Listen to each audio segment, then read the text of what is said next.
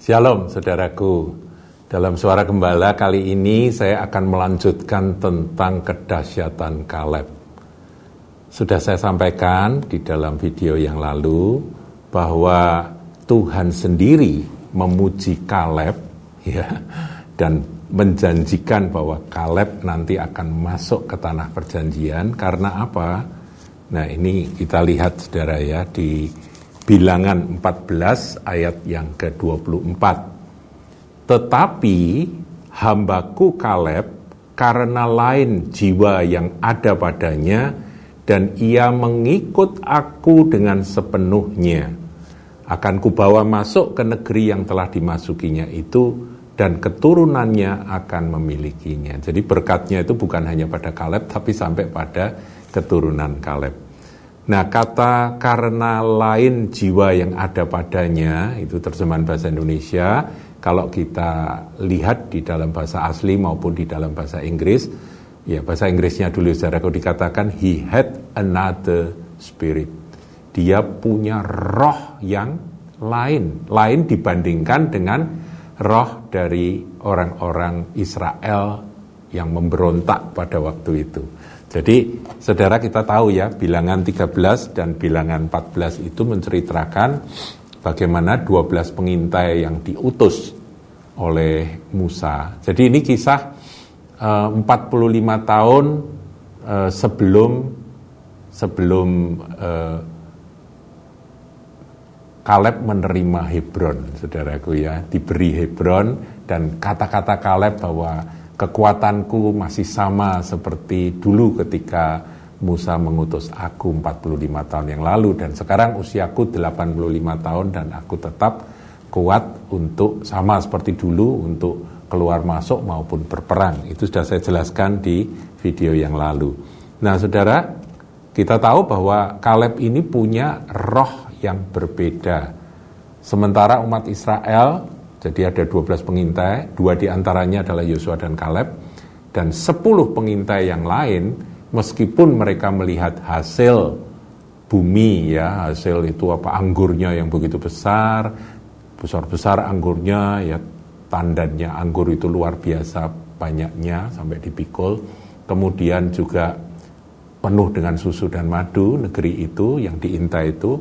Tetapi mereka melihat bahwa bangsa yang ada di tanah perjanjian itu adalah bangsa enak bangsa-bangsa yang besar-besar badannya yang bahkan mereka uh, apa ya membesar-besarkan lawan dia dengan dikatakan saudaraku kita lihat aja nih bilangan 13 ayat yang ke-28 hanya bangsa yang diam di negeri itu kuat-kuat dan kota-kotanya berkubu dan sangat besar juga keturunan enak telah kami lihat di sana jadi Bani Enak, bangsa Enak itu yang paling ditakuti oleh pengintai yang 10 orang itu.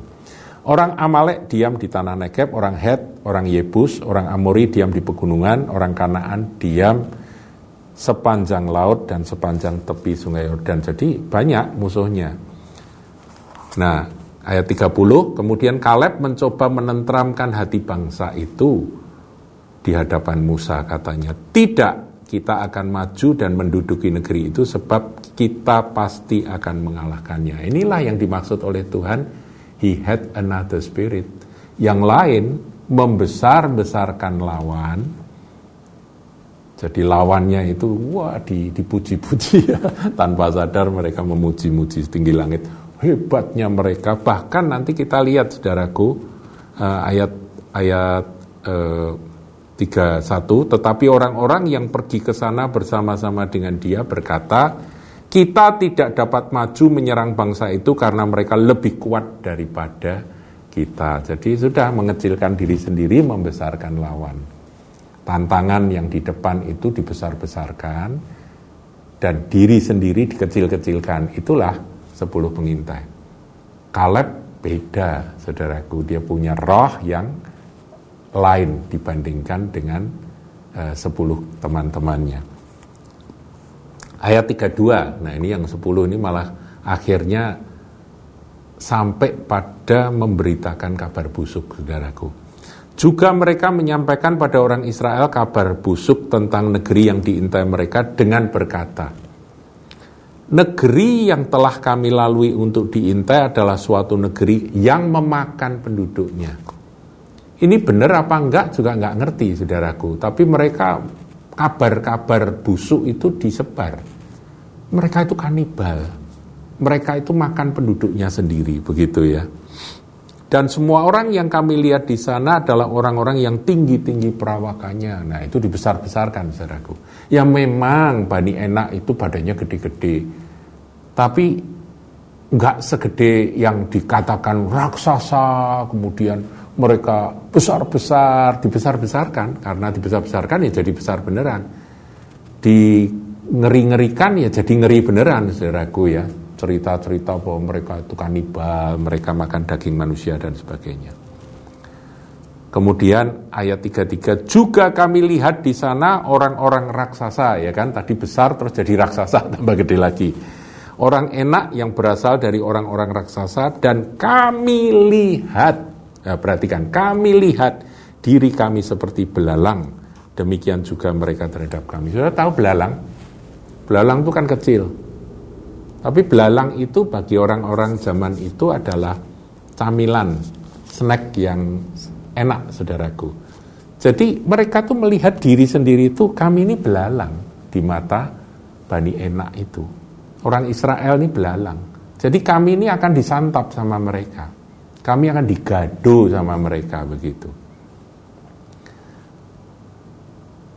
Lah, ini kan repot saudaraku kalau kalau mengecilkan diri sampai jadi kayak jadi belalang, jadi makanannya lawan.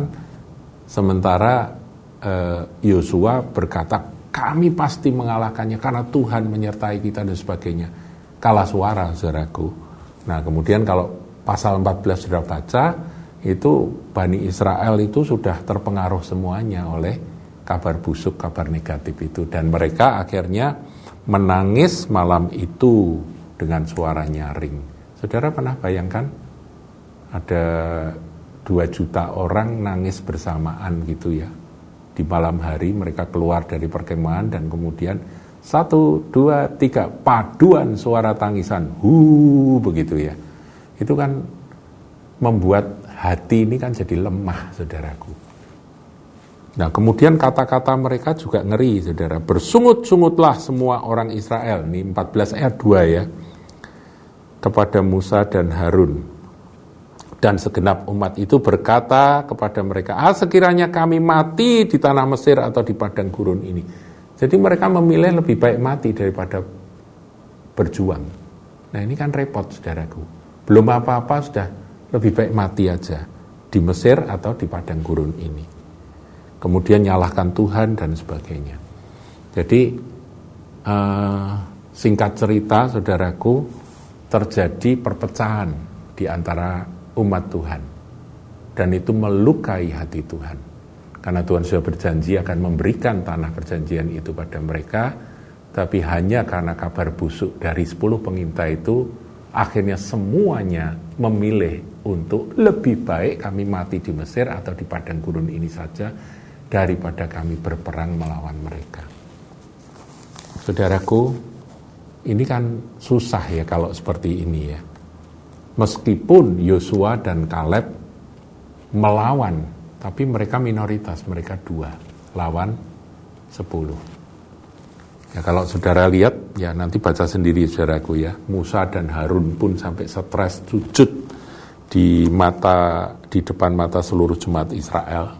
Ya, dia sujud itu ayat 5. Kemudian Yosua dan Kaleb itu mengoyakkan pakaiannya, kemudian berkata bahwa negeri, ayat 7 coba perhatikan, negeri yang kami lalui untuk diintai itu adalah luar biasa baiknya.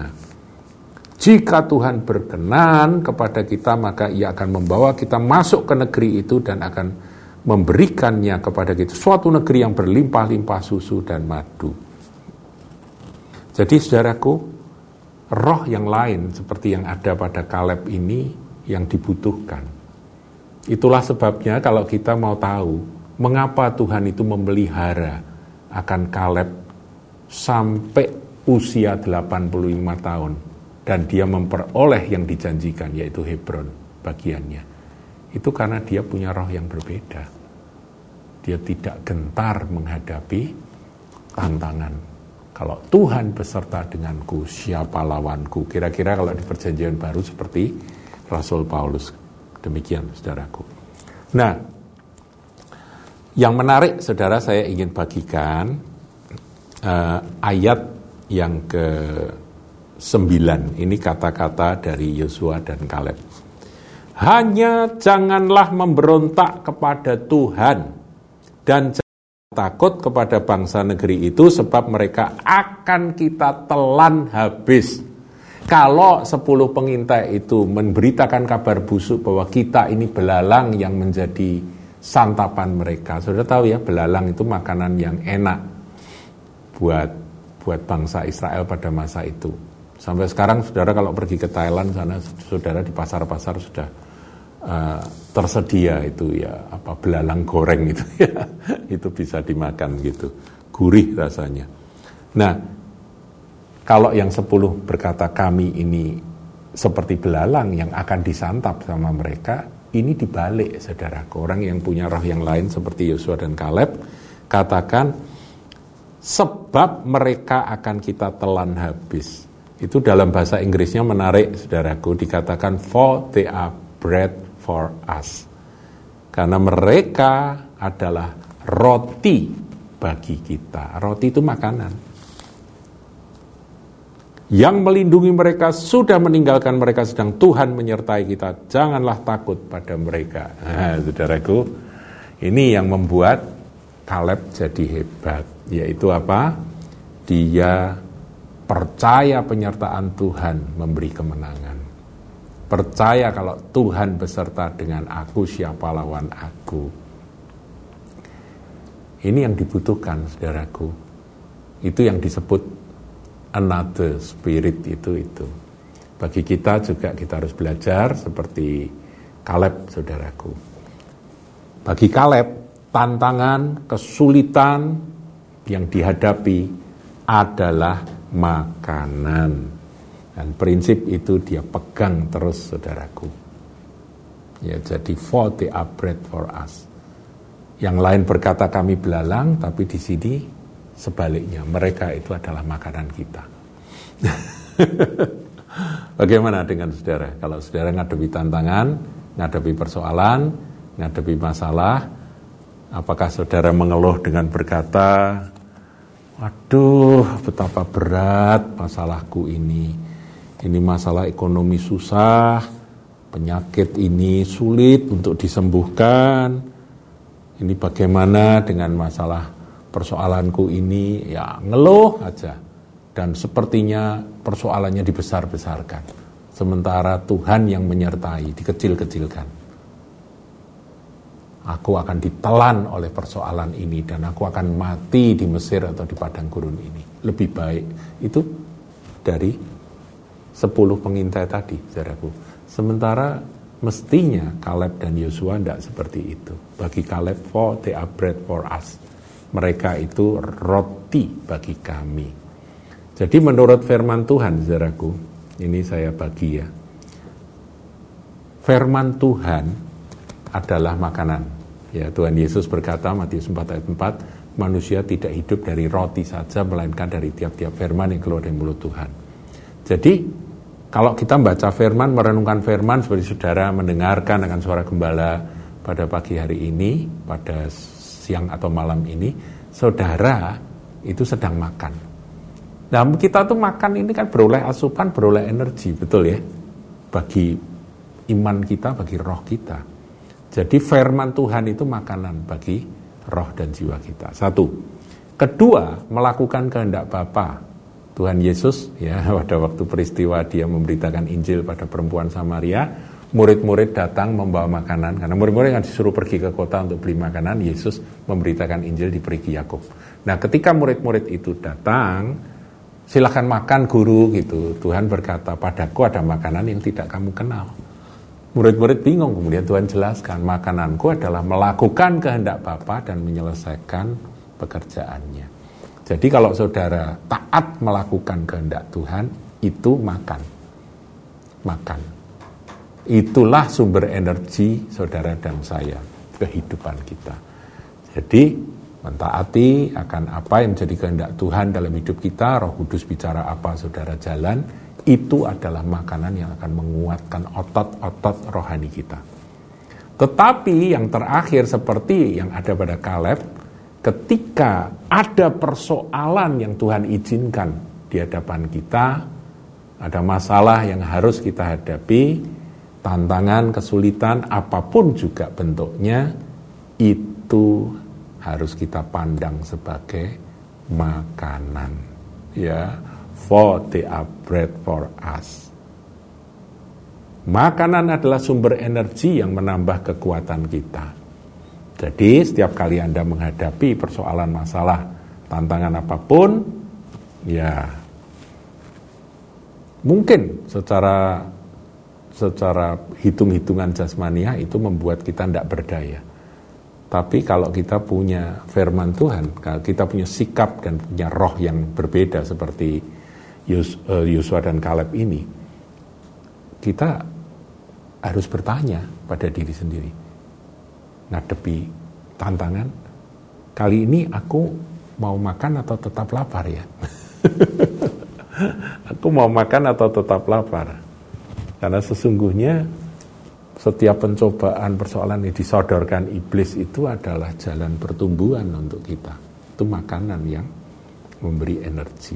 Jadi jangan berkata, wah celaka begitu ya, persoalan datang, udah lemes duluan. Tidak saudaraku, ini makananku datang, ini McDonald dikirim, aku bersyukur dan aku akan santap habis dan itu akan menjadi kekuatan bagi manusia batin aku. Paham ya saudaraku ya? Itu yang membuat Kaleb menjadi perkasa, yaitu roh yang lain, roh yang berbeda another spirit. Haleluya. Tuhan Yesus memberkati.